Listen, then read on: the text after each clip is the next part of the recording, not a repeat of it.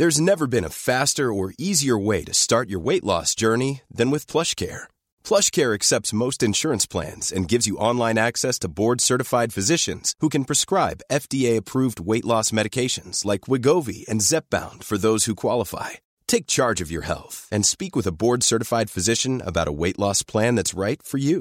Get started today at plushcare.com slash weight loss. That's plushcare.com slash weight loss. plushcare.com slash weight loss. Quality sleep is essential. That's why the Sleep Number Smart Bed is designed for your ever evolving sleep needs. Need a bed that's firmer or softer on either side? Helps you sleep at a comfortable temperature? Sleep Number Smart Beds let you individualize your comfort so you sleep better together. JD Power ranks Sleep Number number 1 in customer satisfaction with mattresses purchased in-store. And now save 40% on the Sleep Number limited edition Smart Bed for a limited time. For JD Power 2023 award information, visit jdpower.com/awards. Only at Sleep Number stores or sleepnumber.com.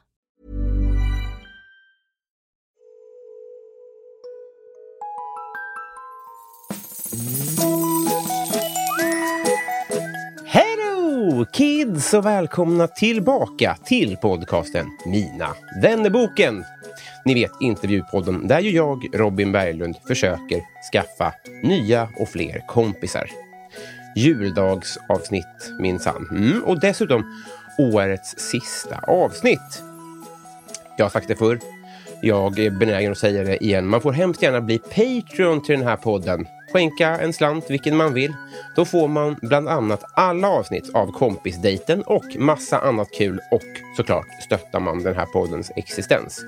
Det här gör man, om man så vill, på patreon.com snedstreck mina vanneboken.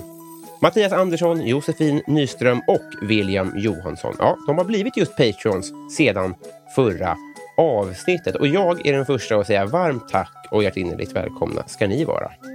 Men nu hörni, veckans gäst. En av svensk humors stora ju. Han har precis borstat bort dammet från axeln och påbörjat stand-up igen efter fem års paus.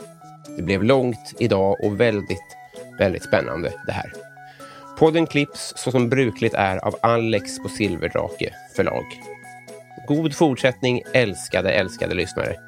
240 sidan i Mina vännerboken Henrik Schyffert.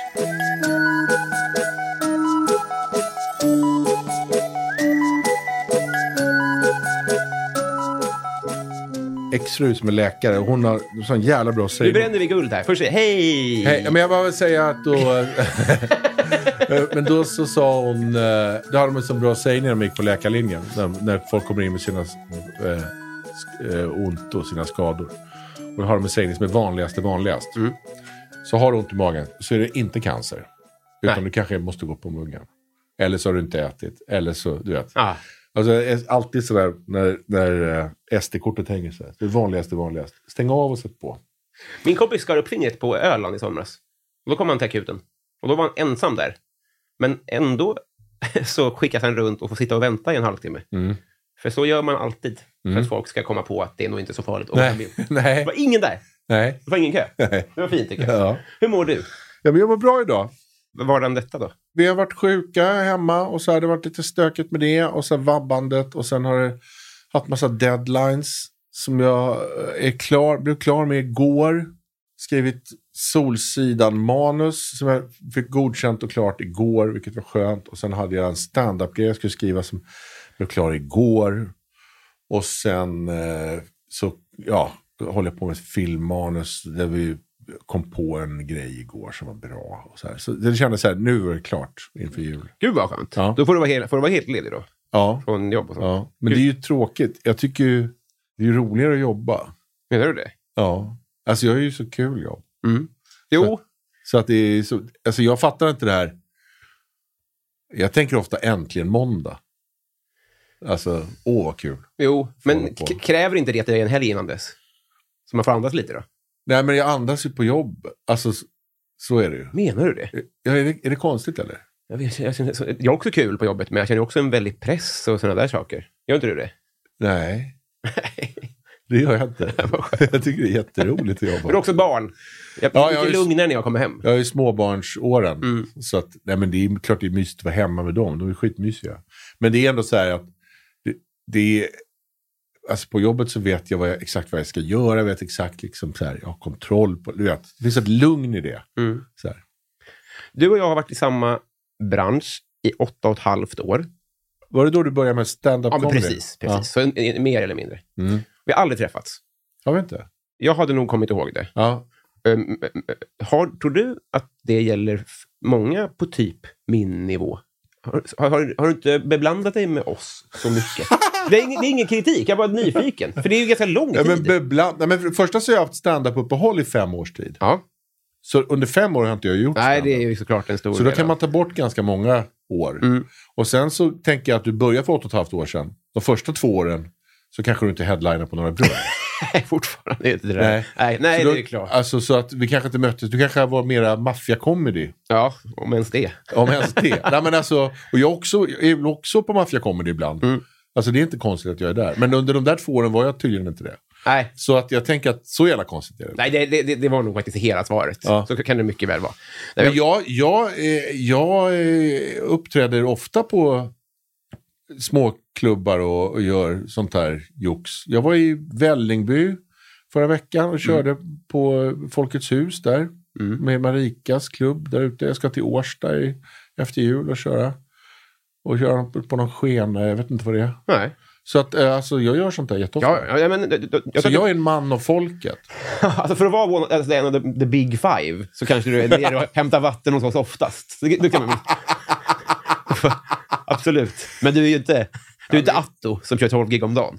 Så är det ju. Nej, nej, det är jag inte. Nej. Men du har ju inte kört på fem år. Det är väl den stora Nej, men jag, körde, jag gjorde en väldigt stor kul grej nu. Jag gjorde för två veckor sedan gjorde jag nio gig på, på tre dagar. Är det bra? Jag gjorde tre, jag gjorde klockan tre, klockan fem och klockan sju gjorde jag en timmes shower. Inför, eh, på en, jag hyrde en liten teater, på Improteatern. Otroligt. Mm. Vardagar? Vardagar, måndag, tisdag, onsdag körde jag. Vilka kommer klockan tre? Ja, men det var ju mest de där Jack Vegas-gänget som kom. men de är också alltid hjärtligt välkomna. De ska ha sitt. De ska ha sitt. Ja, men de kom då. Och sen så klockan fem och sju var det ju fullt. Då var det ju smock, då var det lapp på luckan. Men, men då körde jag en timme. Då sa jag att jag ska köra en timme. Och så hade jag liksom material för typ 40 minuter när jag började. Och så tvingade jag mig själv att bara hålla på och pladdra en timme. Mm. Sen hade jag en timmes paus och så gjorde jag om där och så gjorde jag om där. Så jag gjorde så. Så jag gjorde nio gig på tre dagar. Så jag tänkte att istället för att åka runt till Katrineholm och, och eh, så här, Tierp och sånt Ja. och göra ett gig om dagen och hela dagen går åt till den här resan. Så bara trycker jag ihop det. För det är ju det som man, som man identifierar ganska fort, tycker jag, med, med stand är det ju här, såklart om man är musiker och sånt där. Folk, så, sånt som är på, där, där man uppträder klockan åtta på kvällen. Mm. Att det är svårt att ha familj då. Ja, Om du ska göra det varje dag, det är då en, ens partner är ledig och det är då man ska natta barn. ja precis. Så då man måste hitta den typen av... eh, Mm.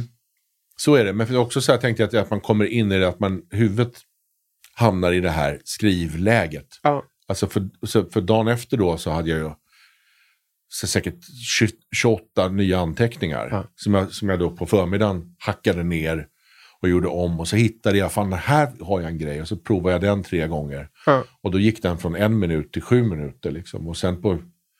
Så när jag, första dagen hade jag 45, jag säger att jag hade 50 minuter den första dagen. Och så när jag var på onsdagen hade jag 1.15. Så 25 minuter nytt fick jag ihop.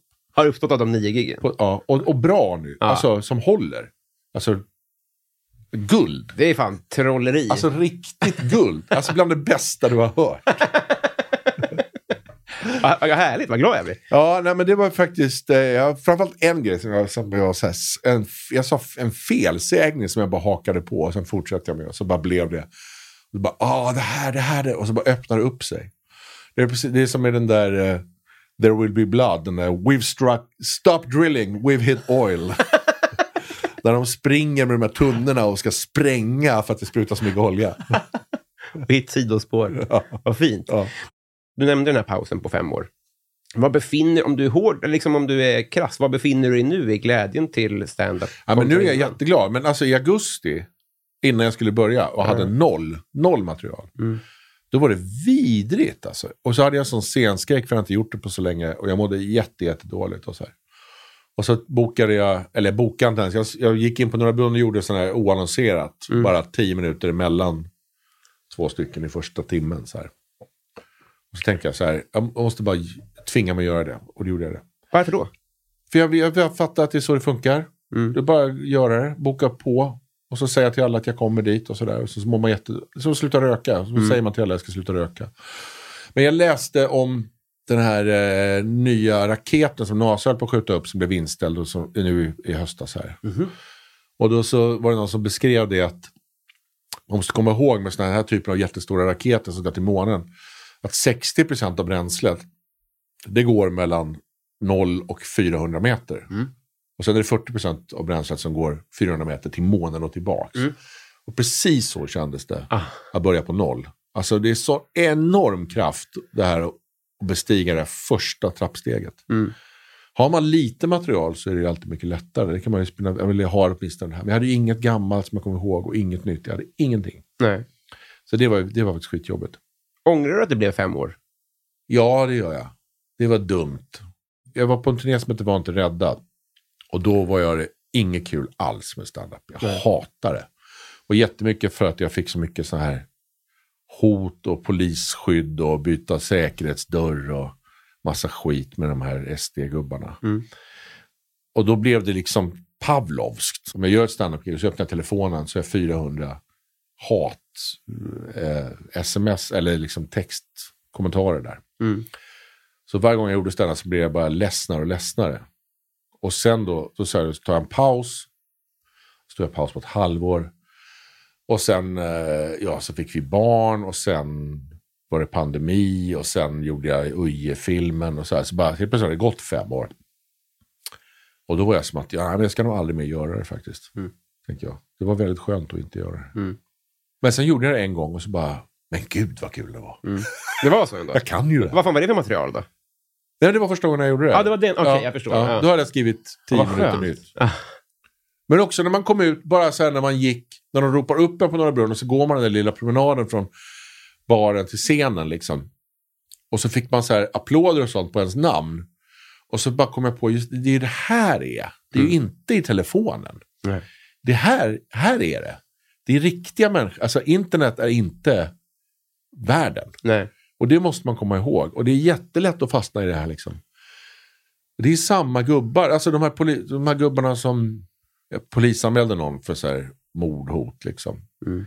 Då hittar de honom och då är det precis som man tror. Då är det någon sån här ensam 35-åring som bor i Värnamo i källaren och hans mamma bla bla.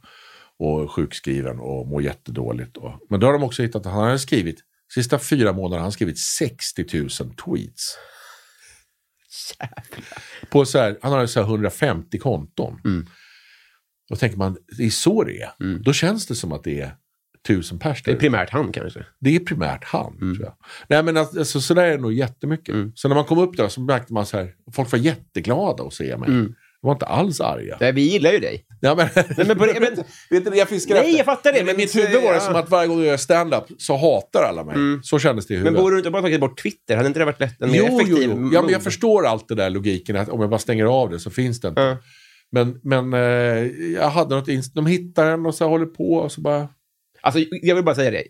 Så fort någon säger det här var inte ditt bästa avsnitt eller något sånt där, då, då, då är jag redo på att hoppa. Så jag ska inte berätta för dig hur man hanterar hat och hot.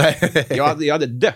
Jag Ja. vet det, jag vet Ja. det. Men Ja. med facit i hand så här, om, om du hade fått exakt samma situation hade hänt igen, hur, vad hade du gjort annorlunda då? Hade det inte blivit fem, en, en paus på fem år då? Eh, nej, det har det inte blivit. Men det hade säkert blivit en paus på kanske tre år. Två hade. Två hade det blivit en insamlingsgala där det stod PK-fittan, eller vad stod det? PK-eliten. PK-eliten. Ja, nej, det hade jag inte gjort heller. Nej, var det en Eh, dum move? Med facit i hand? Ja, med facit i hand var det ett dumt move. Mm. Alltså att, sätta, att sätta ett face på det där. För man trodde ju att... I sin naivitet så trodde man att man skulle kunna besegra dem. Ja. Att man tänkte att om bara folk får syn på dem och tittar vad de håller på med Mm. så kommer folk att bli så arga på dem så de kommer försvinna. Mm. Det blev precis motsatt effekt. Det har aldrig varit större. Nej. Det var så lite av efterklok. Man tänkte ju det, för de var ju 3% då, så att säga. Alltså, Ja, de är ja, mycket ja. färre då. Och sen Ja, var det... Ja. Ja. Det är mycket mitt fel att de är så jag tror att, så, så känner jag. Om jag bara hade hållit käften, jag, Malena Ernman och Jonas Gardell, om vi hade kunnat hålla våra jävla käftar. Nej, men jag har ingen aning. Men Äh, äh, absolut. Äh, bara för mig och min, min mentala hälsa så var det ett dumt move. Mm. Men är, är, humorn lite naggad i kanten på grund av det där? Nej. Det, du är helt tillbaka. Ja, det är. Glädjen är helt tillbaka. Ja. Mm. Men nu gör jag inget sånt alls. Utan bara, alltså det materialet jag gjort, hittar på nu, Mm. den här timmen, är bara jättelarvigt. Ja. Bara flabb. Men det är väl att bli naggad i kanten? Men eh, kanske också att varje period i ens liv har sin tid. Mm. Kan man också tänka. Ja, det. Att eh, det, var, det var då. Mm. Men det som man höll på och sprutade keso genom näsborrarna på Ulf Lundell på 90-talet. Mm. Alltså det kanske hade sin tid.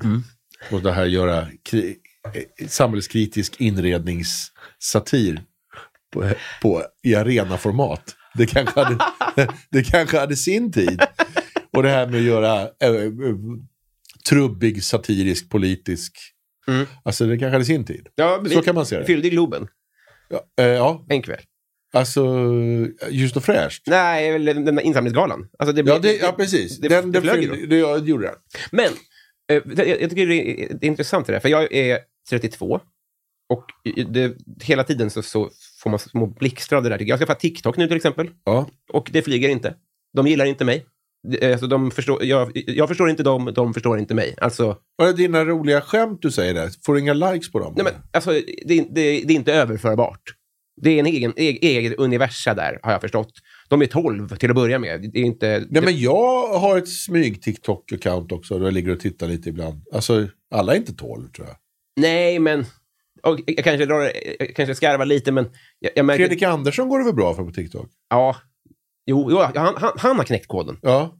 Och det är inte, han, han når inte bara 12-åringar. Det finns andra Är det också. så att han är roligare än dig? Är det så illa? Ja, nej, men jag, jag menar bara att jag... ja, Nej, tveklöst. men jag vet inte, jag bara försöker hitta vad skillnaden är. Nej, men lyssna klart på frågan. Vi kan så länge konstatera Fredrik är mycket roligare än mig, ja. Men vissa forum funkar, tycker jag att det funkar bättre i. Och det är inte forumet jag vill... Jag, jag, jag vill bara konstatera att vissa grejer fattar inte jag. Nej, Vissa grejer känner jag redan nu att, att kidsen håller på med grejer som jag inte fattar. ja, så ska det väl vara. Ja. ja, ja, ja. Men å andra sidan så ska jag också betala hyran. Och om kidsen, de blir fler och fler, upplever jag. Ja, men du kanske ska rikta dig till kidsen? Nej, men... Är det kanske inte är din primära målgrupp? Har du gjort ett målgruppsanalys? Har du inte gjort det? Jag tycker du får ta in någon från den här eh, KPI, eller vad heter. Den där. Hur ska jag ha råd med det? När ingen kollar på mina TikToks. Nej, det är sant. Jag tänker att, Fredrik har, har knäckt det, men han berättar också, alltså vi pratar om Fredrik Andersson, Ja. komikern, bara för, för kontext. Han berättar också att han sitter med den där jäveln tre timmar om dagen och så är han så här, han har läst, på, kollat på YouTube så hur man ska göra. Att du ska, de här nyhetsgrejerna ska du lajka, alla de här sakerna ska du följa. Så fort någon säger någonting ska du göra det här. Och så sitter han och gör det. Mm. Som en robot sådär. Ovanpå att han då producerar nya samtida skämt. Mm. Det gör ju du också, tänker jag. Mm. Men apan är knappt skjuten innan han är där och Nej, skämtar nej, om det. nej. Så Han har det. skämtat om det medan den, liksom, medan den fortfarande faller långsamt. Apan tar sig för bröstet. Då, är, då står Fredrik framför mig lite mikrofon så här. Har ni tänkt, har ni tänkt på en grej? Barnen kastar likes på honom. det, och, det, och det är så livet ska vara nu. Ja. Det, var, det var ett dåligt exempel då, men jag, fortfarande, vilka... Och, och, och det är klart att en stor del av sanningen är att man måste bara ta tjuren vid hornen och lära sig TikTok då. Och det gäller ju mycket. Men vad, det här ska ju handla om dig. Vad känner du att du inte fattar? Alltså vad, vad känner du med dagens humorlandskap eller underhållningslandskap? Det Jaha. Fan vad svårt det är att begripa vad ni håller på med. Är det där kul? Där du bevisligen har fel? Ja, men jag kan, jag, jag kan ha sådana som jag inte förstår. Jag fattar inte den här Johanna Nordström, Edvin Törnblom fyller Globen fem gånger Nej. och sitter och pratar i en podd. Mm. Alltså jag säger, har ingen åsikt om det här är Nej. bra eller dåligt. Nej. Jag, jag bara tittar på det där och säger, hur kan så mycket folk titta på alltså jag Det fattar jag inte Nej. alls. Alltså. Och så kollar jag på när de gör stand-up och så, där, så tänker jag så här, ja, men jag, jag ser skämten. Jag Mm. fattar det. Hon berättar de här. Och hon är jätteduktig och närvaro. Men alltså att det drar så mycket, det fattar jag inte. Nej. Och, och då tänker jag att eh, så är det. Ja. Det här är något jag inte tydligen ska förstå. Men är inte, är inte det du beskriver lite Beatlemania då? Alltså det finns säkert hundra förklaringar. Ja, jo, såklart. Jag menar, jag menar, Framförallt tror jag att de är väldigt personliga och jag Ja. tror att de älskar dem som personer och att det är liksom, de går och ser de här karaktärerna och så här. Mm. Och att de njuter av att vara i samma boll som dem. Liksom. Att det är mycket det sådär. Tror jag. Ja. Men, men, men sådär är det väl alltid med... När det, fast det brukar vara vanligare i popbranschen det kommer någon sån här crazy frog liksom.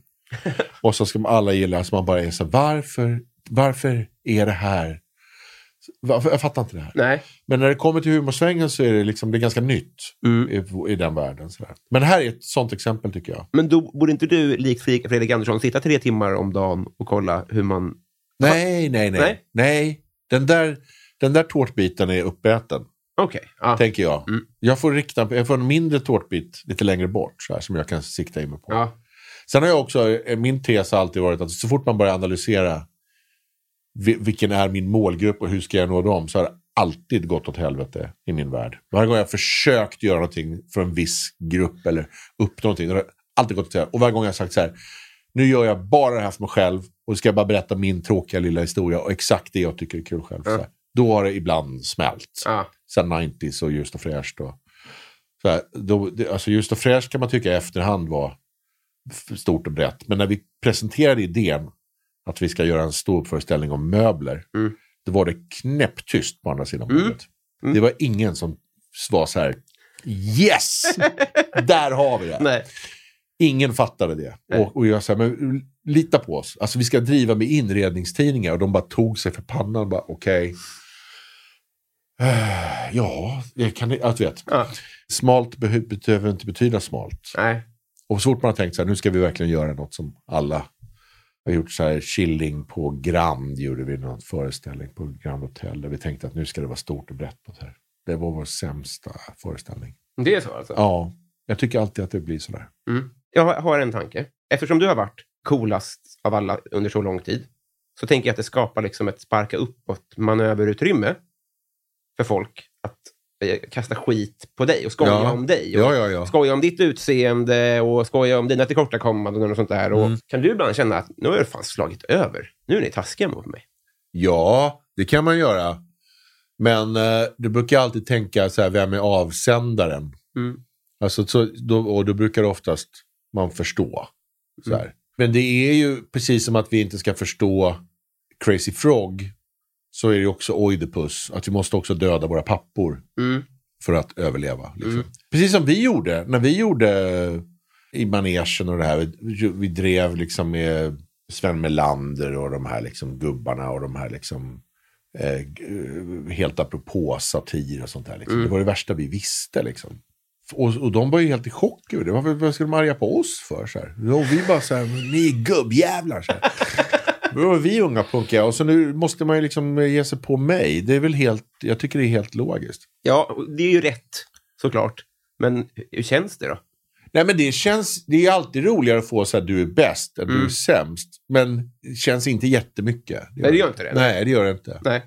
Och i, antingen så eh, bara förstår man vilka det är för att det är folk som är sån här högertrollkanten och de har ingen... Men de tycker vi ska, det är någonting annat, tycker jag. Ja, Alltså, det, det känns som att de har en annan agenda. Ja precis. Och så När- bara använder de det så här, att de gör så här komiker inom citationstecken och sånt där. Liksom man bara aj, aj, aj, den sved.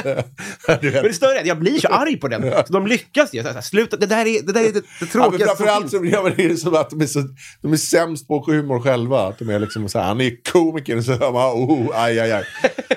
Ouch!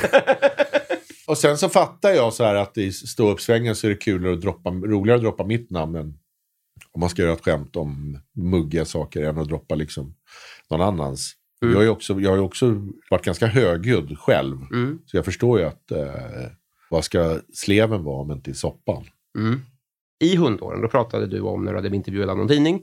Och där så sa du att eh, hon som intervjuade dig blev så trött på att för du ville hjälpa till så mycket. Just det. Det gör det ju jättelyxigt, tänker jag. För jag, jag märker, det är ju, det är ju en, en jävla dröm att få intervjua dig på alla sätt. Men går det? För jag har ju ändå, min, min, min plan med det här är ändå, med några procents ärlighet, att jag vill att vi ska bli kompisar här. Ja. Går det att lära känna dig med micken på, tror du? Ja, det kanske det gör. Men jag har ju inte anställt nya kompisar på säkert 15 år. Nej. Så om man bara, bara där Mm. kan man säga, det spelar ingen roll vad det är för mick eller Mm. inte. Nej. We're not hiring. Nej. nej, jag, nej, Det men... är, det är fullt. Jag har haft tre kompisar. Mm. Och en gång hade, under en period hade jag fyra. Men då var jag så här, nej. Och då så släppte jag taget på en. Du på en, ja. Ja. Eller han. Vi gjorde, det var ett ömsesidigt beslut. Vi bara gled iväg från varandra. Så nu har jag tre kompisar. Det är en granne som håller på att jobba in sig lite. Som, är ganska, som jag funderar på att släppa in våren 23. Inkilningsprocess nu. Ja, han är prospect. Han har prospectvästen Håller dig i fickan. på, på, på sig. De tar in åtta JAS-piloter i Sverige per år på deras flygutbildning. Så, och jag tar in färre. Och stryker vi mig från ekvationen? Ja, ja, ja alltså, det, och det är, inte, det är inte personligt överhuvudtaget, bara du fattar. Ja, Alltså, det, är- det, vi anställer inte. men var inte det jag frågade efter? Jag, jag, jag, jag blir ledsen över att vi inte blir kompisar, men det- jag blir, jag, jag, framförallt undrar jag... Nu gick Henrik. Eh, men framförallt undrar jag om det går, tror du, att... Eh, alltså, om det där, den där superkraften du har att göra en bra intervju, om det gör att, hade vi inte haft micken på, tror du att vi hade haft ett annat typ av samtal då? Det, nej, men det tror jag inte. Men jag tror också så att vi... Jag tänker att också att du är jävligt duktig och rolig. Och så tänker jag så här att om du och jag hade träffats på Skene Comedy i Årsta så hade vi nog pratat exakt lika avslappnat som här, tror jag. Ja. Jag tror inte alls att jag är bra på intervju. Alltså, jag, jag, jag tror att den här kritiken hon gav mig var korrekt. Att det är en ganska dålig intervju när någon är, liksom, ligger och tänker på intervjun låter och själv sitter och kollar ljudet åt dig. Och så här. alltså, det är, en bra intervju är väl någon som slum, alltså, så här Liam Gallagher-intervju. Liksom, de bara ramlar in och, och säger sån här, alla i Blur ska dö och sånt där. Liksom. Då är man så här, oh, det, alltså, det är en bra intervju. Än någon som är så här medveten och media savvy. Alltså, det låter ju vidrigt. du kanske gör en enkel intervju med mig, men inte en bra. Okej, men den här, den här, här eh, vänskapsambitionen må vara vä- enkelriktad. Ja, ja det är en hundra procent. alltså det är, det är några frågor om det. Men det kommer ändå, den, kommer ändå, den, här, den här processen kommer vi genomföra ändå. Ja. Nej, men jag måste ju hälsa på dig nu om jag springer på dig någonstans. Så får det nog lov att bli. Alltså, och det, det kan jag inte undvika efter att ha suttit i den här eh, källaxgubben med dig. Nej. Alltså måste jag ändå, tja! Och, och också jag måste tänka, liksom, komma ihåg vad du heter. Mm. Det, men det är väl ungefär den ambitionsnivån jag har. Ja. Jag drar i jingeltråden och sen provar jag om jag kan bli kompis med dig då. Ja. Mm, det blir fint.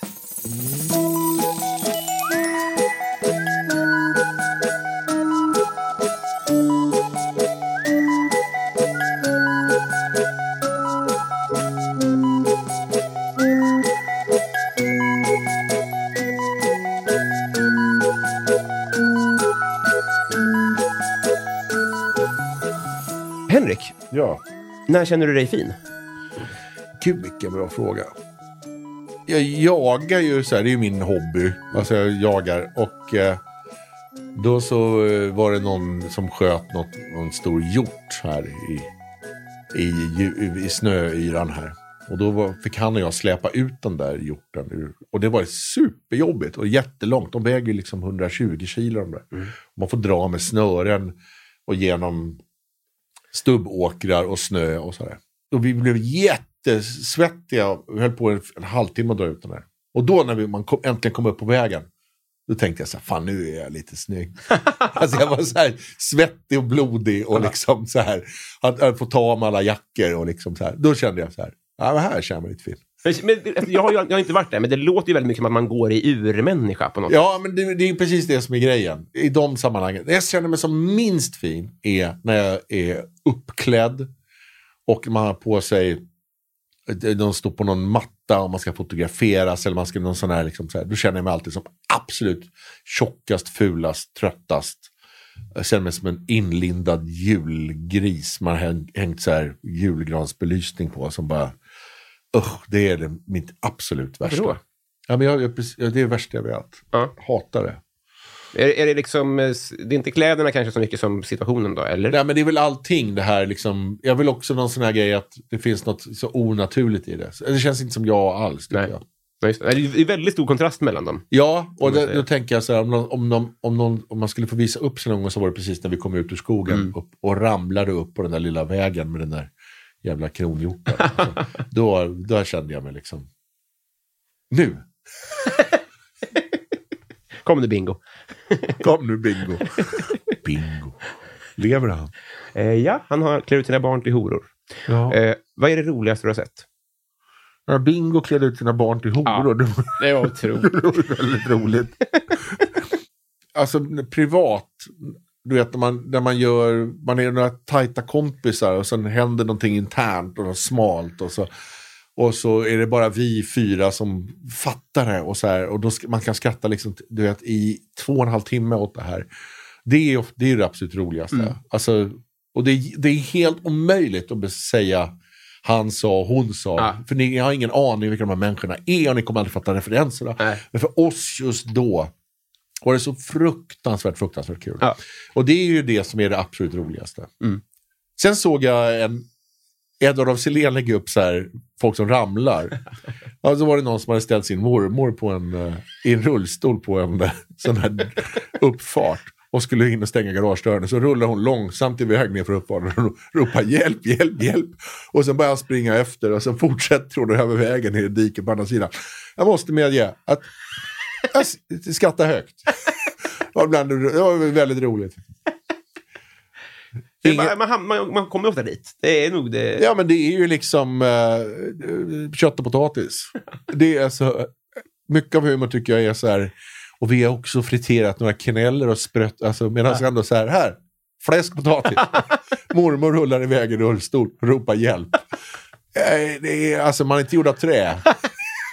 Det är svårt att värja sig. Man hör bara... Så här, medan så försvinner. Det är väldigt kul. Fan vad härligt. Mm.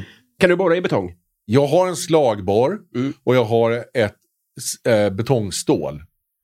Vad är Så, det? alltså det själva det så Okej, borren. mm. Borrstål heter Mm. det va? Då kan jag ju använda den så att det blir ett hål i betongen. Ja. Men där, där är mina kunskaper om eh, betongborrning. Ja, just det. Men ri- ringer du hantverkare eh, mycket liksom?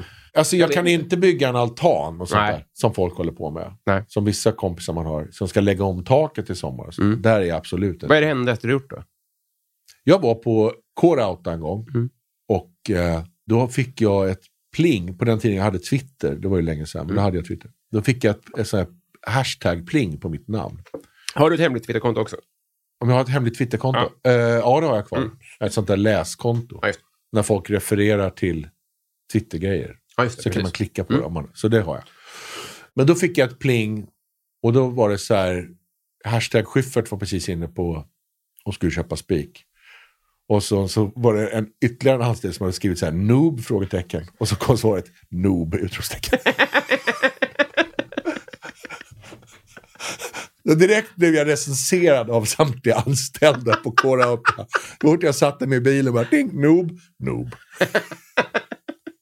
Fan vad sjukt. Ja. Så där, jag tänker att de bedömde mig helt korrekt. Ja. Korrekt bedömning. Jävla coolt språk. Du måste gadda dig här och nu minst 7 gånger 7 centimeter. Vad blir det?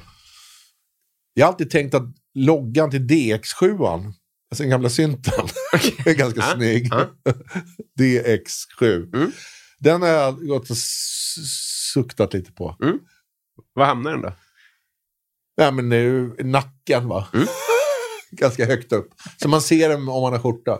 Så står det DX7. Det skulle pigga upp på röda mattan. kanske. jag tänker det. Det är väldigt svårt med tatueringar nu för tiden. Jag, jag har ju en gammal tatuering som jag gjorde när vi var på min första rockturné. Då var vi i Bryssel. Så jag och Christian Falk gick och tatuerade oss i Bryssel och tänkte, "Ah, det är ändå på liksom min första rockturné. Alltså, det är väl liksom att gå till sjöss. Ja. Liksom. Det, här kan jag ändå göra en tatuering. Så, så då har jag Sony-loggan Ja, men tatuerad jag. på ena armen. För det var ju då väldigt speciellt att ha en, en, en, ett produktmärke. Mm. Och det här var ju innan till och med taggtråds och tribals Ja. och sånt där. Liksom. Innan tatueringsboomen Men det är fortfarande djärvt. med... Alltså för, eh, företags... eh, Ja, det vet jag inte. Men eh, jag tänker också om, om jag skulle ha någonting så borde det ändå vara i samma linje. Ja, men precis. Så då tänker jag DX7 är Mm. snygg. Men är, är Sony onda på något sätt? Vet man någonting? Har du fått... Har Det tar jag för givet att de är. alltså alla företag, när de blir sådär stora. Ja. Alltså någonstans är det barn som kokar in. ja, men så är det. Men jag menar, Carema har ju mer ondska per omsättning än vad Sony har. Det, det tror jag inte. Jag tror att Sony är så pass mycket större att de... Tror du det? Ja. Ja, Jag tror att det är, de är satanister, alla de här. För annars blir man inte så här stor. Om man är, ja, men alltså, Ja, jag de, fattar. Det var roligt bara. de har liksom mutat någon i Uganda Ja, just det. Det är den typen av ja, grejer. miljarder som de har använt och liksom för att bränna ner eh, eh, regnskog för att bygga en fabrik. Alltså, sånt, så här tänker jag att det håller. Carema väger bajs, men son är så, de har väger ozon på grund av det. Ja, ja men större så, så, magnitud. tänker, så tänker jag lite. Eh, när kräktes det senast? Gud, jag var länge, det var länge sedan. I morse så kräktes min son jätte, jättemycket. Vi fick slänga mattan. Oj. Så det, det var det närmaste jag var kräks var i morse. När kräkte jag, jag senast? Det måste ha varit säkert 10-15 år sedan. Jag kommer inte ihåg. Alltså, jag vill inte dra det för långt, men du, du sa du, har- du, du, har ju- du mår bra och haft en väldigt bra dag. Ja. Många är vi ju som, om ett barn hade kräkt på mattan så är slängaren, så hade det påverkat en del ändå. Ja, det är ju, sånt där påverkar Det inte mig. det, nej. nej. det där rör inte mig i ryggen. Allt sånt där som ungarnas bajs och kiss och kräks och mask i magen. Och så, det, alltså jag har noll...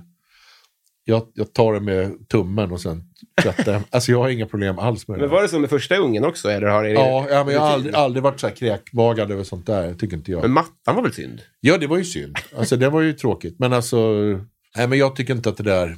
Igår så eh, var jag på restaurang med min son som fyllde 20 och då så fick jag in någon så här liten soppskål och så drog jag upp det var ett jättelångt hårstrå. Så här, du vet, tre decimeter långt hårstrå Ja. som jag drog upp. Så. Och så bara slängde jag det på golvet och åt vidare. Alltså jag, och han var så här, men ska du inte säga, Nej. nej men vad fan, det är väl bara otur, det är inte med flit. Nej. Det råkar ramla ett hårstrå i soppan, det är väl ingen grej. Här är jag faktiskt på din sida. Jag tycker det, det är en psykosområde att man ska tycka att det är äckligt med hår. Ja. Alltså folk sitter och tuggar på sitt hår och det smakar ju ingenting. Nej, nej, nej. Det var också att hår, så länge håret är på huvudet så är det jätte... Det kan man göra vad som helst Ja. med. Folk har i munnen och liksom slickar på det och liksom håll, drar i det och så här. Så fort det lämnar huvudet så är det det äckligaste som finns. det där är någon gammal standup-rutin tror jag. det Undrar om det är en Seinfeld-grej kanske. Mm. Alltså, den, där, den där tanken har jag snott, bara så ni fattar. Jag, vet- jag vet inte varifrån, men jag har hört det någonstans. Du har inte Twitter, så du missar drevet i alla fall.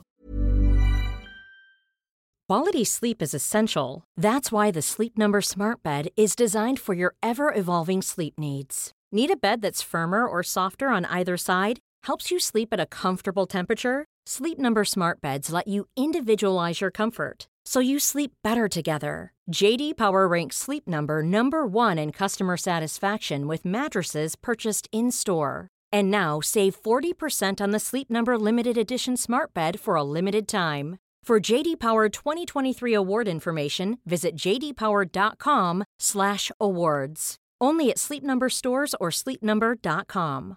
Want flexibility? Take yoga. Want flexibility with your health insurance? Check out United Healthcare Insurance Plans. Underwritten by Golden Rule Insurance Company, they offer flexible, budget friendly medical, dental, and vision coverage that may be right for you. More at uh1.com. Jag kommer missa drevet. Har det lugnat ner sig lite, skämtsno-hatet? Det var ju väldigt stort för en fem sex år sedan. Mm. Har det lugnat ner sig lite? Jag, jag är inte expert, man borde prata med Jofi om det här, liksom, tror jag, framför allt. Ja, han men, kan det där ja. Men jag, min gissning är att det liksom var en, en av många internets barnsjukdomar. Att vi håller på att lära oss reglerna. Just det.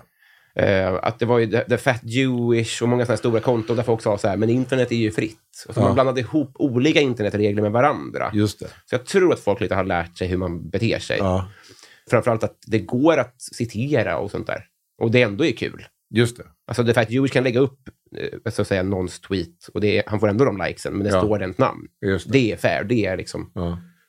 Ja. tillräckligt. Så jag, Ja, men- jag tycker inte att det, det är lika mycket skit. Nej, men jag tror att du har rätt i det. Att folk börjar rätta mun efter matsäck. Liksom. Man Ja. lär sig lite reglerna. Ibland så kommer, om det är någon utifrån, om det är liksom en, en, en sportmänniska som har liksom klippt bort någons namn. Ja, För den, inte, den kan inte reglerna. Det händer ibland, men det blir inte alls samma. nej, rabalder. Nej. Nej. Vad är det dyraste du har stulit? Jag hade en period när jag snodde blöjor. Mm. Alltså det, blöjor är ju ganska... Har du barn eller? Nej. Nej. Alltså man tänker inte på det, men det, blöjor är ganska, det är ganska dyrt.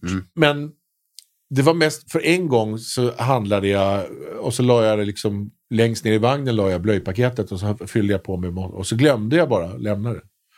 Så bara gick jag ut med det så tänkte jag, fan där snodde jag liksom blöjor för 280 spänn. så det var, det var ganska dyrt. Men sen har jag inte stulit något, något dyrare än så, jag tror inte jag har stulit. Det är knappt stöld alltså. Att Va? glö- glömma att scanna. Ja, men sen kanske jag gjorde det en gång till bara for the fuck of it. Okej. Bara se om det gick igen. Ja. Jo, vet du vad jag har stulit en gång? Jag, snodde pengar faktiskt. Mm. när jag var på den här rockturnén på 90-talet så gick jag till ett eh, växlingskontor på den tiden när det fanns med svenska pengar. Och så ville jag växla då, så jag hade 2000 kronor ville jag växla då till dollar. Så lämnade jag över det så här. Och då så tog hon pengarna och så tittade hon på dem och så sa hon, ah, Swiss francs, sa hon. Och så fick jag tillbaks då 20 000 kronor. Alltså för att då 2000 svenska är ju liksom, eh, svenska, schweizerfrancen var tio gånger mer. Ah.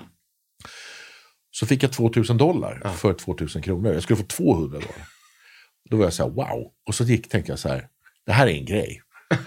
och så tog jag med mig 4000 kronor nästa gång. Och så, och så puttade jag över dem. Och så sa jag bara lite så här, lite tyst. Swiss francs, sa jag så här. Och det funkade igen. Nej. Jo. Då fick jag 40 000 spänn för 4 000 kronor. Pojken med guldväxeln. Ja. Sen vågade jag inte göra det igen. Nej. För då tänker jag det är kameror och sådär. Ja. Men jag var ung, fattig och rock... Ja. Och så tänkte jag så här. Och är hon så jävla dum? Hon är ändå... Hon, ska jobba, hon jobbar ju där. Det, det är en jävla uppgift. det är hennes enda jobb. Ja. Att, att liksom titta på pengarna och se vad det är för peng. Ja. Men de har ju liksom Swe- Sweden, Swissen. Det är ju samma. Det står svenska krona på den och de bara Swiss franc. Så det, Otroligt. Man har Ja. hört att folk att man är trött på den där hopblandningen, men här gav det ju verkligen utdelning. Av alltså. alla gånger jag har blivit förbannad för att de blandar upp Schweiz och Sverige, för en gångs skull så blir jag glad för det. Det här, jag betalar för all, alla. Det, ni är skyldiga mig det här för alla gånger jag liksom, nej, no, no, eh, burn Mr Capital of Switzerland. Det hade, hade frangen legat till 1,40, då kan jag känna så här, fuck you. det, här, det hade inte varit värt det. Den var hög. alltså det, är stulet. det måste jag säga ändå var stöld. Nästan bankrån var det. Ja, precis. Ja, En, en, en, en stilig kupp. Mm. Eh, Vem sköt Palme? Jag, vet, jag tror att det, den där senaste teorin tror jag på. Mm. Vad hette han? Stig... Eh, han hette Engström. Var det Engström? Ja. Skandiamannen. ja. Jag tror det, den lät trovärdigast tycker jag. Hur insatt är du? Är du Nej, men jag har ju suttit med GV en massa så middagar när jag fått det här ut. Han har ju liksom, men jag, jag brukar aldrig riktigt minnas vad det, var hans, vad det var han tyckte. Jag tänkte att han vet, Ja. men, men eh, är han en av de tre kompisarna? nej, nej, nej, nej, så fina Nej. kompisar har jag inte. Nej. Han, är en, han är en god vän och jaktkamrat. Och han är inte fyran som du fimpade heller? Det skulle du... Nej. Du Leif, eh, jag är ledsen, men eh, you're out. You're not longer in the running towards becoming... Nej, precis. Nej, han är inte så, nej, det är han inte. Men jag, jag, jag hänger med honom ibland. Vi Mm. var där förra veckan. Han tror att det är... Vad tror Jag, han? jag minns inte vad han, vad han tror, men han har väldigt mycket, han har ju liksom, han har skrivit böcker om det där. Mm. Men jag, jag skulle säga av alla teorier jag hört genom åren så tycker jag att den här Engström låter trovärdigast. Ja. Eh, jag, jag tror dig. Var har du ondast just nu? I ländryggen, höger ländrygg. Mm. Varför då? Ja, för att jag har, jag hade en knäskada på eh, vänstersidan Mm. som jag opererade för ett halvår sedan. Sen eh, diskmenisk-grejer. Och då har jag gått eh, under liksom två års tid och vägt, kompenserat med höger ländrygg. Ja, just det. Och, blivit, och nu måste jag träna bort det. Så, så jag har fått så här rehabövningar som jag gör. Och då måste jag träna höger ländrygg jättemycket för att... Eller vänster måste jag träna för att kompensera det här. Och eh, det gör att jag har jävligt ont i höger fortfarande. Det är som en himla ond cirkel att vara sned. Ja, Hela tiden. det är dåligt. Mm. Det är dåligt. Eh, vilken frisyr hade du haft om du hade kunnat? Oj, oj, oj, vilken bra fråga. Det är så tråkigt. Jag sitter ju med min sista frisyr nu. Sen är det, jag kommer ju aldrig ha någon annan frisyr än det här. Här brukar jag sitta och säga hemma. Och då så säger Nor alltid, men nej, det kan du visst. Och så bara, nej, alltså jag fattar inte. Vad, ska jag, ska jag liksom komma med någon page? Alltså jag vet inte. Det kommer bli lite tunnare, det kommer bli, krypa upp lite mer. Men det är det här jag har. Alltså Alec Baldwin Mm. har jag alltid tänkt har väldigt bra hår. alltså det är verkligen så här schoolboy fringe, men på en 60-årig man. Ja. Eh, alltså Janne Helin också, SVT-chefen. Eh, han har också fantastiskt hår. Och jag kan inte sluta titta på hans hår. Jag pratar ofta med honom om hans hår och sådär. Alltså den typen av så här, bara kunna ha liksom, dra handen igenom det så bara faller det rätt. Liksom. det, alltså det, där tänker jag att det vore drömmen. Det är, det det är två jättebra exempel. För det blir lätt när, alltså att eh, folk som är över 50 som har bra hår, att det blir för ungdomligt. Ja. Att det är lätt att man eh, tuffar till det för mycket. Men båda de exemplen tycker jag verkligen är vrålvärdiga. Ja, tack. Eh, så jag håller med dig om det. Men Ja. har du lekt med snaggtanken? Ja, jag har snaggat med en gång, men jag har ju, så, jag, jag har ju... jag snaggade med en gång för en filmroll vi gjorde, en Killing-film. Då var jag tvungen att... Var det fyra nyanser då? Ja, precis. Då hade jag ju som en Ah, helikopterplatta. Och han som... Eh, Horst Stadlinger, som var maskör på det där, som är en tysk gammal eh, proffs som har gjort film i Tyskland och Sverige i 60 år. Han rakade mig och så, och så tog han mig på huvudet och så sa han Åh, vilket toppigt huvud du har. och sen dess... alltså jag bara sjönk ner i stolen. Så jag har tydligen väldigt topp... Men också så att det blir så en tysk som börjar prata skallmätning. Det blir så, det blir så många... Det blir så många jävla referenser i huvudet.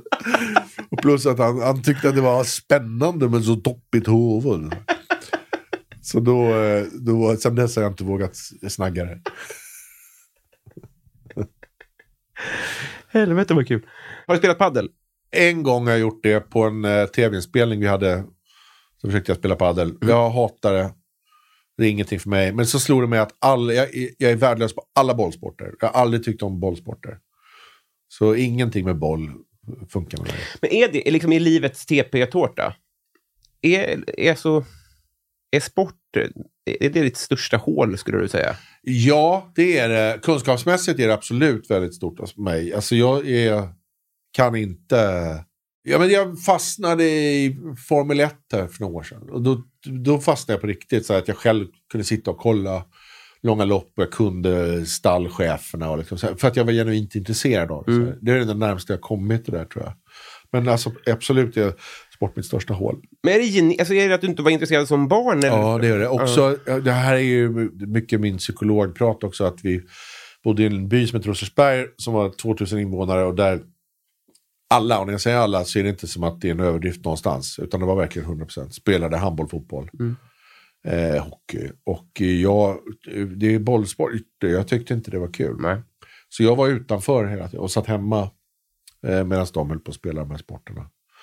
Vilket gjorde att jag började hata de här sporterna. Men det var inte det jag, det var ju, det var ju bara för att jag hatade att vara utanför. Men jag projicerade då hatet på de här sporterna. Och då så definierade jag mig själv som 15-16-åring som en som hatar sport. Det blev en del av min liksom, karaktär. Så jag satt hemma och spelade in rakt över disk med kassettband och, och organiserade det i ordning och sådär. Det var min grej. Och sen, då, sen har det följt med. Det har blivit liksom min, en del av min karaktär. Mm. Sen kan jag absolut kolla fotbolls-VM själv. Någon match. Och tycka, det? Ja, ja, och tycka att det är kul Mm. att titta på. Mm. Jag kan, men jag kan inte säga så här, nu borde de gå ner 4-4-2 och hålla Nej. mittlinjen längre. Alltså det, det kan jag inte säga. Men att du kan kolla på det, är det ett, ett, har din terapeut tagit dig dit? Eller har det alltid varit Nej, liksom, det har inte det varit beröringsskräck? Nej, men det har också bara långsamt växt in. Så här. Men, jag, men det är mitt största hål. Mm. I så här, kunskapsmässigt är det Mm. Sport. Har du varit i Rom med alpin? Eh, Romalpin har varit det, ja. Mm. Mm. Härligt. Nu har vi kommit fram till Patreon-frågorna. Så nu är det lyssnarfrågor. Jaha. Ska vi se vad de undrar. De vet Ja. inte vem som är gäst, så de, det kan bli vad som helst. Jaha. Johanna Ekberg undrar, vilket brott är mest troligt att du skulle bli åtalad för? Ja, men det måste vara en trafikförseelse. Mm. Tänker jag. Jag är ju då kört väldigt mycket bil och kör mycket bil och, och tycker ibland att jag som väldigt kunnig medelålders man, bilförare, har rätt. Och ibland köra på mitt sätt. Ja. Och det, det skulle jag tänka att där skulle jag kunna åka dit. Har du blivit stoppad mycket? Nej, Nej. det har inte blivit. Men det ingår ju också i det här att jag har kört så mycket och jag vet ungefär när man kan. Jag tycker jag vet ungefär när jag kan göra det här och inte kan göra Okej, det här. ja. Ja. Men det görs. Har du blivit eh, viftad vidare för att du är den du är? Nej, aldrig. Nej. Nej, nej, tvärtom. Det är på film bara. Det har jag aldrig, kan jag inte tänka mig händer. Nej. Jag har ju en kamrat som är polis och hon berättade att eh, det är ju lilla julafton. när de får tag i liksom en, Ja. en TV4-kändis. Det är ju, om det- för då är det liksom att man får tårta på stationen. Och Det är deras gjort, typ. Ja, ja, det är deras kronor. 16-taggare. Grattis. Alltså så tvärtom tror jag. Vi ligger, vi, de plockar oss direkt. Det låter rim. Eh, Love Öjen undrar så här. Om du kunde kommunicera med alla djur, vilket skulle du komma bäst överens med? jag gick, eh, i terapi, på tal om terapigrejerna så fick jag lära mig att man kan, man kan vara känslomässigt, så för, för att förenkla hur man känslomässigt är så kan man få ett djur. Mm. Och eh, då visade det sig att när vi gjorde de där testerna han och jag så var jag en eh, sköldpadda. Alltså det finns någon som då är, är liksom lite rädd för att emotionellt engagera sig för mycket i någonting. Och då kryper in i sitt skal. Så, här. så tydligen är jag, eh, rent psykologiskt, är jag närmast sköldpaddan. Okej. Eh, så jag tänker väl så då. Just det. Är det den delen av dig som när jag säger vi ska bli kompisar säger nej, nej, nej, det är redan fullt? Då vaknar den till fullständigt och måste bara stänga. En fruktansvärt social fobi. Det är det värsta jag vet. Det har inget med det att göra. Nej, nej, jag, jag, jag, jag, tycker, jag tycker det var... Det var eh, Det är sant. Min syster då, hon heter Elinor och hon undrar, när du var liten, vad ville du bli när du blev stor? Ja, alltså min pappa var ju pilot, eh, stridspilot och flög Viggen och sånt där. Och då, då måste jag säga att det var ju ganska coolt. Mm. Vi, eh, kom ihåg, vi låg på en strand på Öland, jag och mina kompisar, när jag var typ 12.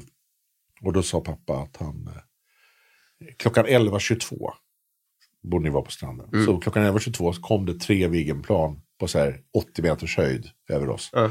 Varav mittenplanet tippade med vingarna så och vinkade. Och sen stack, drog de på och flög iväg. Och jag var så här, pappa.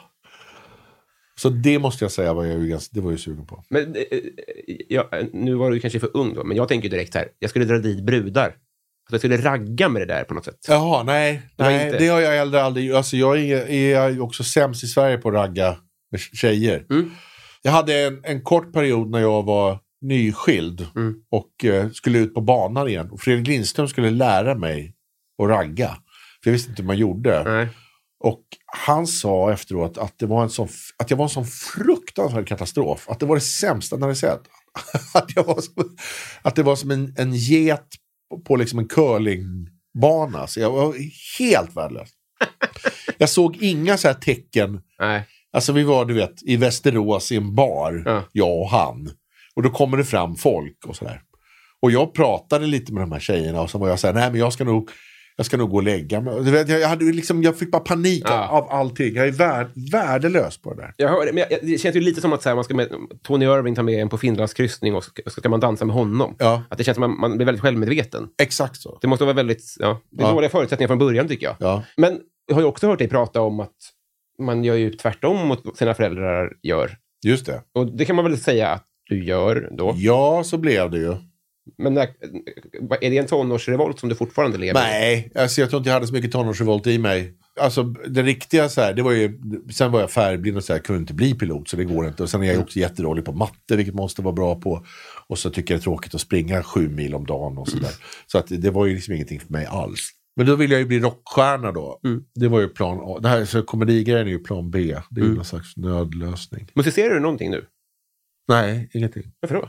Nej, men det... Jag har tappat det för mycket. Alltså jag är för dålig, det är inte kul. Det är igen det här 0 till 100. Mm. Det är ett långt hopp.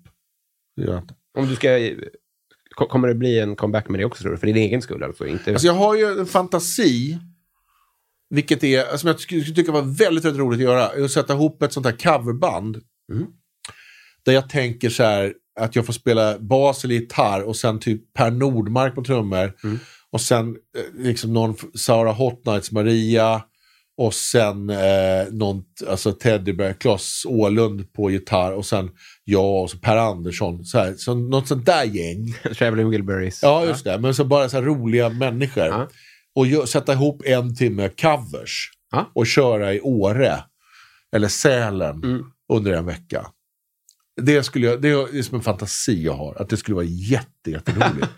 och bara göra såna 800 grader och oa hela natten. Och Breaking the Law med Judas Priest. Och, och så här liksom Ace of Spades med Motorhead. Och, och eh, eh, sådana där låtar. Helvete vad trevligt det Ja, låter. och så bara så här, åka skidor på dagen med ungarna och sen liksom en timme bara ölröj. det skulle vara jätte, jättekul. Gud, hoppas någon av dem, om inte lyssnar, så hoppas någon av dem som känner liksom, Ja. att det här blir lite närmare sanningen. Ja, det vore jättekul. Men alltså, där ligger min ambitionsnivå. Mm. Det var ju... Eh, Greppbar ambitionsnivå. Nåbar. ja, verkligen. Bara, det är väl Sa- Sahara Hot Nights Maria som är svår att få loss. Ja, ja. Marcus Wäterleinen undrar, vem är Sveriges mest underskattade komiker? Ja, men alltså, Peter Wahlbeck. Mm. Tänker jag. Mm. Det finns säkert någon ny ball. Mm.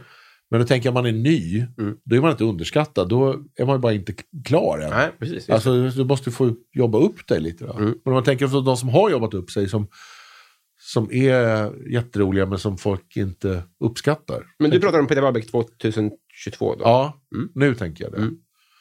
Alltså de gånger... Han, jag såg han uppträda i Göteborg för typ två år sedan och då var jag där på något jobb och så tänker jag gå dit och kollar. Mm.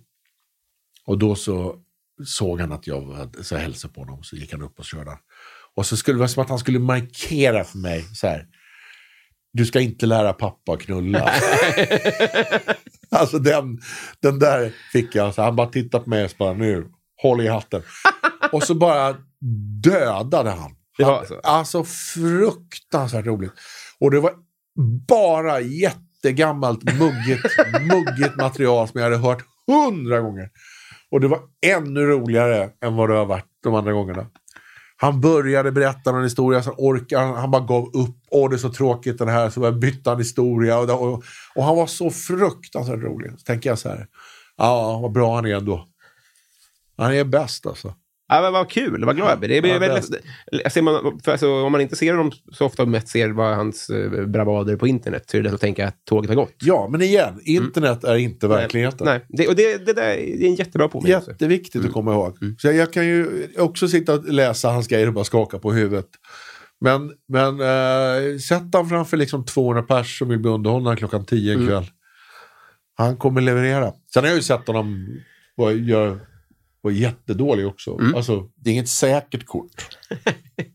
men, eh, Du kanske måste vara där som någon form av... Ja, så var det efter. Are. Ja, han- ja, du vet, kom inte hit Schyffert, din jävel ska visa. Daniel Melin, han undrar mest kontroversiella åsikt. Min mest, eh, jag älskar kungahuset. Mm. Okej. ja. Vill bevara det. Ja, Mm. jag är royalist. Du är med i föreningen? Nej, jag är inte med i någon förening. Eh, Men jag, jag, jag eh, hävdar bestämt att det där är bland det finaste vi har. Ja. Jag, och, jag, och eh, alla mina PK och woke, eh, politiskt intresserade kompisar tycker jag är helt i huvudet. Mm. Men jag står fast vid det. Ja.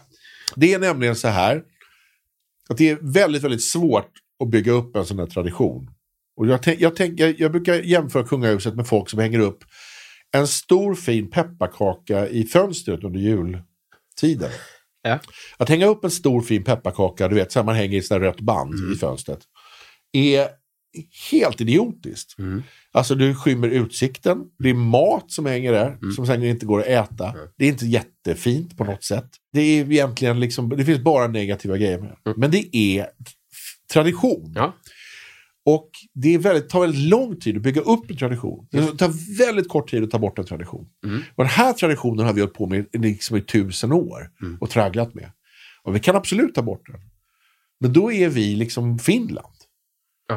Ja, Då har vi någon sån här statsminister som ska åka och inviga någon fångstgrop eller vad fan det är. alltså, och det kan man ju göra, men det är någon så här kommunaltant som ska stå där i någon landstingsfrisyr liksom, och liksom klippa något band. Och så här, absolut, det kan man göra. Men det är inte samma sak. Nej. Och man ska vara försiktig när man tar bort eh, så här traditioner, tänker jag. Mm. De är väldigt lätta att rasera, väldigt, väldigt krångliga att bygga upp nya. Jag, jag har ingen speciellt stark åsikt, men jag tycker att ska vi ha det så ska vi ju inte... Då tycker jag inte att barnen ska gå på ur och skur-dagis. Då får vi väl för fan... Alltså jag, jag upplever att vi tummar för mycket på det också. Ska, det ens, ska vi ens ha att en tjej får bli... Jaha, du menar så? Ja, Ja, men det där är ju det är grader i helvetet. Jag har inte så mycket åsikt om det. Jag tänker att de får bestämma själva. Men jag, är, jag är, står fast vid det här. Att den här kostnaden de har. Mm. Han var så väldigt rolig. Kungen är ju en rolig jävel också. Mm. Älskar kungen. ja, de, de var, att de skulle få 14,5 miljoner mer i apanage eller vad det var. Mm. Här för några veckor sedan. Mm. Och så blev han intervjuad och så frågade de så här. Tror du inte att, att det finns andra barnfamiljer i Sverige som har större nytta av de här pengarna? Ja. Och han bara, nej. det tror jag inte. Och jag bara, you go kungen. Äntligen håller han inte på. Han orkar inte längre. Ja, det är klart att man kan se det från olika. Han bara orkar inte. Nej, jag tror att vi behöver de här pengarna mest. och jag bara tycker, jag tänker att han har rätt också. Ja. Ja, verkligen. jag är helt övertygad om att eh, per capita har vi liksom fattigast kungar. Eller, liksom, eller per, Ja. per B, BNP. Ja, jag fattar vad du vill med det här. Alltså, vi, har vad vi- vi har billiga kungar och drottningar i det här landet. Visst. Och Statsministern tjänar inga, inga pengar heller i- i ett globalt perspektiv. Nej, nej, nej. Tills någon annan säger någonting annat och övertygar mig så håller jag med dig till 100%. Ja, men det där är bara en bensin, bensinsänkningen på 14 öre som de lyckades göra, när Ja. de här blåbruna. Ja. Den kostar 7 miljarder per Ja. år. Alltså det är, liksom, det är fem kungahus som vi liksom på den där 14 öre sänkningen. Kom igen, vi har råd med det här. Det är värt det. Det Det är är, ett halvt- väl investerade pengar. Det är halva Liberias kungahus. Det är ingenting. Ja, ja, ja. ja. Herregud. Brunei, alltså fatta vad billiga vi är. Fan, man saknar honom. Att de hade- de hade en paraplyhållare, sultanen. Ja, som hade guldkläder. Ja, ja. Star Wars-robot. Victor Busell, han undrar favoritlåt just nu. I morse så dansade jag och min treåring till uh, Men Without Hats. Safety Dance. Okej. Okay, uh.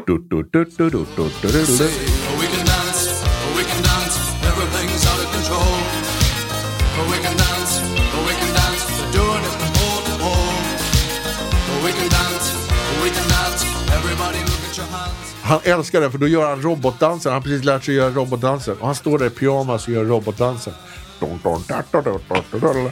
Alltså jag dör vad det är gulligt. Är- Den är min absoluta favoritlåt just nu. Och Sammy dansar robotdansen.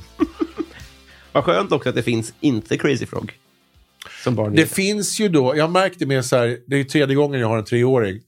Men ingången till musik är tidig 80-talssynt. Okej. De älskar det. Det är liksom så jävla rakt, starka melodier, Just Can't Get Enough, Take On Me. Alltså den där typen av låtar. Som är så extremt melodistarka. Kraftverks Man Machine-skivan. Okej. Älskar dem, älskar dem. Och så bara We are the robots. Och de bara älskar skiten så här. Och det är liksom, det är extremt välproducerat, enkelt, tydligt och sen liksom starka melodier och roliga ljud. Så ingången tänker jag är alltid tidig 80-talssynt. Helvete vilket handfast tips. Ja. Ja, Perfekt. Therese Danielsson, vad har du förstått lite för sent i livet att du lärt dig fel? Hon ger ett exempel. Då. I hennes familj sa man omslagaren och fjärrkontrollen och i hennes kompis familj breddade man smör med sked. Oj, oj, oj. Jo, jag trodde under väldigt, väldigt många år att elektronikkedjan On-Off var ett, ett, ett ryskt familjenamn. Att det var familjen On-Off som, jag hade, alltså som Romanov liksom. Så tänkte jag. Tills någon på, sa att det är on och off på de här grejerna. Då var jag som att, aha. Och sen också den här reklamen flexibusitet. Ja. Fattade jag aldrig tills någon sa, alltså flexibilitet. Fast man byter ut bil mot buss. Nu förstod jag det. Eller hur? Jag trodde bara det var dumt. Ekmans buss. Flexibilitet. Och var så här, vilket jävla dåligt ord. Ja. Flexibilitet, fast det är bussitet. Den är, nu, jag, jag, den är för svår. Jag tycker, jag tycker det krävs så mycket som Den radiolyssnare. är ju inte bra. Det är väl mycket det. Okej, ja. Alltså det är Det är en ordvits, men den är för... Nej, den är inte bra. Nej, nej men vad skönt. Nej. jag kommer ihåg att jag gick förbi en affisch, när jag, eh, då, men då var jag ändå gick i mellanstadiet, högstadiet. Och då, då stod det hur man lyckas i bussinessen utan att bli utbränd. Ja, buss, ja bussinessen. Ja. Ja. Men det, för det, är ju, det, det ordet finns ju å andra sidan inte. Nej. Alltså businessen är ju, alltså det är jättesällan man... Ja. Jag hade också en buss alltid som gick förbi Märsta som åkte till en stad utanför Märsta som hette Abonnerad. Mm. Som inte jag visste var det låg. Nej. Tills någon sa att det stod abonnerat. Alltså, men, ja, men var ligger det där Abonnerad någonstans? Alltså, är, det, är det liksom uppåt Gimo eller? Abonner... Ja, ja, ja. Fan, de kör överallt. Det är busslinjer från hela Sverige. alltså, alla bussar, alla vägar leder till Abonnerad. Eh, David, eh, vilket minne får du vilja vråla ut i skam? Ja, det här är ju en och en halv timmes... Jag kan bara sitta och dra dem i ordning. Så här kan vi hålla på med det en och en halv timme. Alltså jag har jättemånga sådana här. Jag har ju som sjukdom där jag ska säga det ingen ska säga. liksom. Mm. För att på så sätt hamna i centrum och bli omtyckt. Så jag vet alltså hur många gånger som helst jag har sagt. Igår så fick min son en fin handduk för han ska flytta hemifrån i present och vi var på den här födelsedagsmiddagen. Och då hör jag mig själv säga, och vad skönt med en riktig runkhandduk som du verkligen kan Och så har alla bara tittat på mig. Jag bara, förlåt. Jag, jag fattar inte varför jag ska hålla på så här. Att jag inte kan bara vara glad. Jag måste hålla, på. Och så här håller jag på hela tiden. Det är, alltså, det är bara jobbigt att ha i rum. Hela tiden håller jag på så här. Gabbe, han vill att du nämner två personer som har betytt mycket för att du är där du är nu. Inte mamma. Eh, figurer. Utan... Inte mamma, men gärna pappa. Ja, men han, han, han gillar killar. eh. Nej, men eh, han, förslag då är Mr Miyagi. Eller folk som har inspirerat dig. Ja. vill han hellre ha. Mm. Ja, men då ska jag säga, alltså bara i, i jobbet jag nu, jag tar bort alla Mm. familjesaker. Men i jobbet så är det Pontus Enhörning Mm. Som eh, var då radiopratare och ståuppkomiker. Och när jag började på radion och var 14 år gammal så tog han mig under sina vingar och lärde mig gö- göra radio och var väldigt var som en mentor för mig där. Och sen när jag började göra stand-up så fick jag åka förband till honom och sådär. Så han var verkligen en, en sån Mm. eh, person som jag ska lyfta fram. Och Roffe Börjlind är, är, är manusförfattare och eh, han har skrivit massa, massa böcker, deckarböcker med sin fru och så här. Han skrev också för Lorry på den tiden det begav sig. Han gjorde ett tv-program med honom när jag precis flyttade hem till Sverige när jag var liksom 19. Och han var som en sån här, han, jag hängde inte så mycket med honom, han var en sån jävla förebild hur han tänkte, hur han gjorde, hur han resonerade kring alla sådana saker. Som jag har använt jättemycket. Så han har också absolut varit en förebild för mig. Mm. Så de, de, kan säga de två. Ja, det är många andra också, men alltså, det, det är två viktiga. Det var kul du nämnde det här med, med Pontus Enhörning. Du kom ju ändå in i standup-svängen med och var liksom känd från annat. Ja.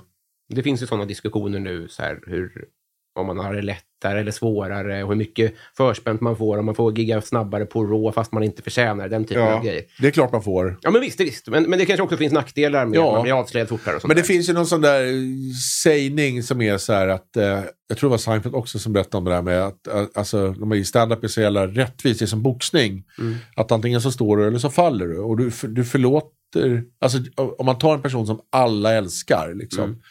Ja men GV till exempel. Och ställer honom på Norra Brunn. Han skulle absolut få fem minuter slack Mm. när alla var så här, bara glada att titta på honom. Så här. Men sen, är det inte kul så skulle folk börja titta i telefonen och folk börja prata. Liksom. Alltså han, 40 minuter håller, får man inte. Liksom. Och då kanske han inte blir bokad nästa gång.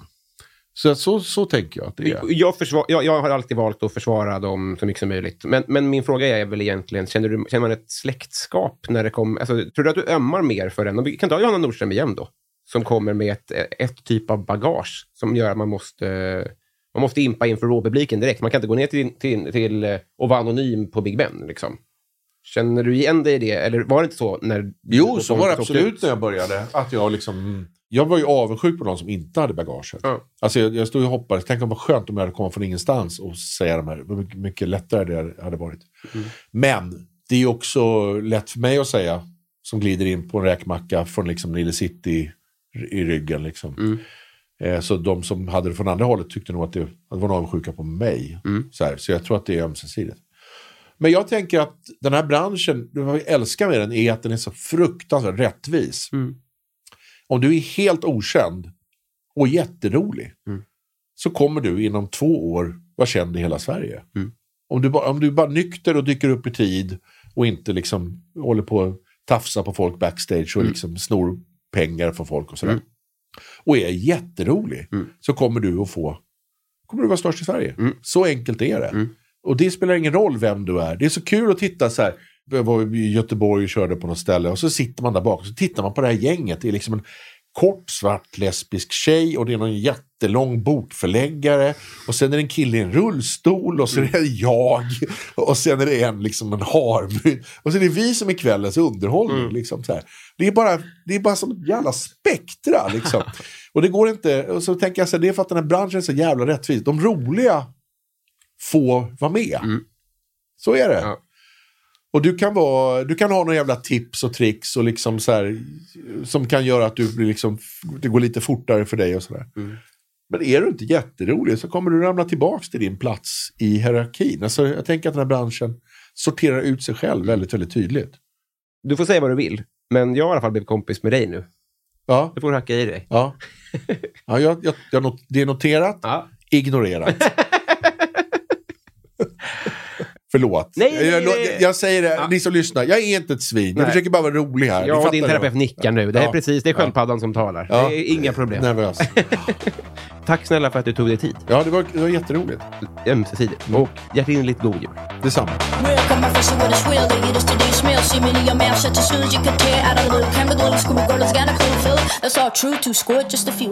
Ja, hörni, kära ni. Det där var mina vännerboken med Henry Schyffert. Och det där var också 2022 av Mina vännerboken. Trodde ni? Vi har ju ett segment kvar på detta sista avsnitt. Det är Bysell-segmentet, döpt efter patronen Victor Bysell. Och det är här, till tonerna av uh, musik, som vi hyllar de som hyllas bör. Och de som hyllas bör är de som har varit fullfjädrade 50 kronors patrons eller mer i tre månader eller mer. Njut. Erik Nilenberg.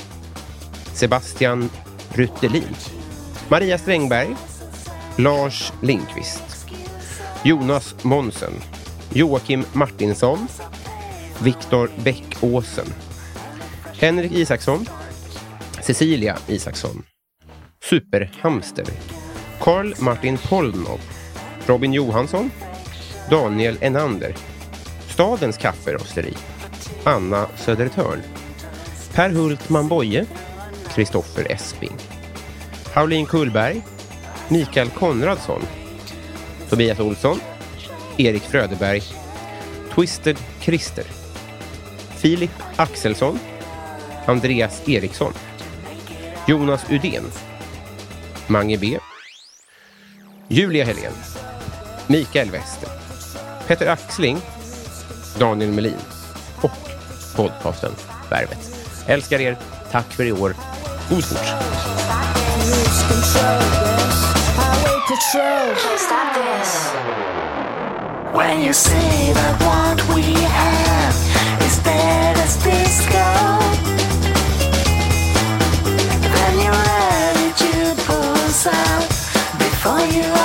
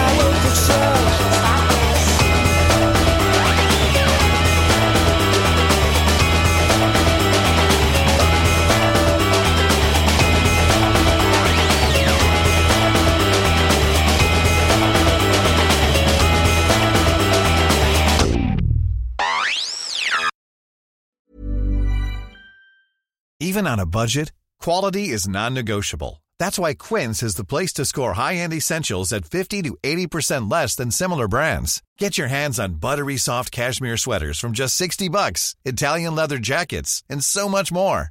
And the best part about Quince, they exclusively partner with factories committed to safe, ethical, and responsible manufacturing. Elevate your style without the elevated price tag with Quince. Go to quince.com slash upgrade for free shipping and 365-day returns. Hey, it's Paige DeSorbo from Giggly Squad. High quality fashion without the price tag. Say hello to Quince.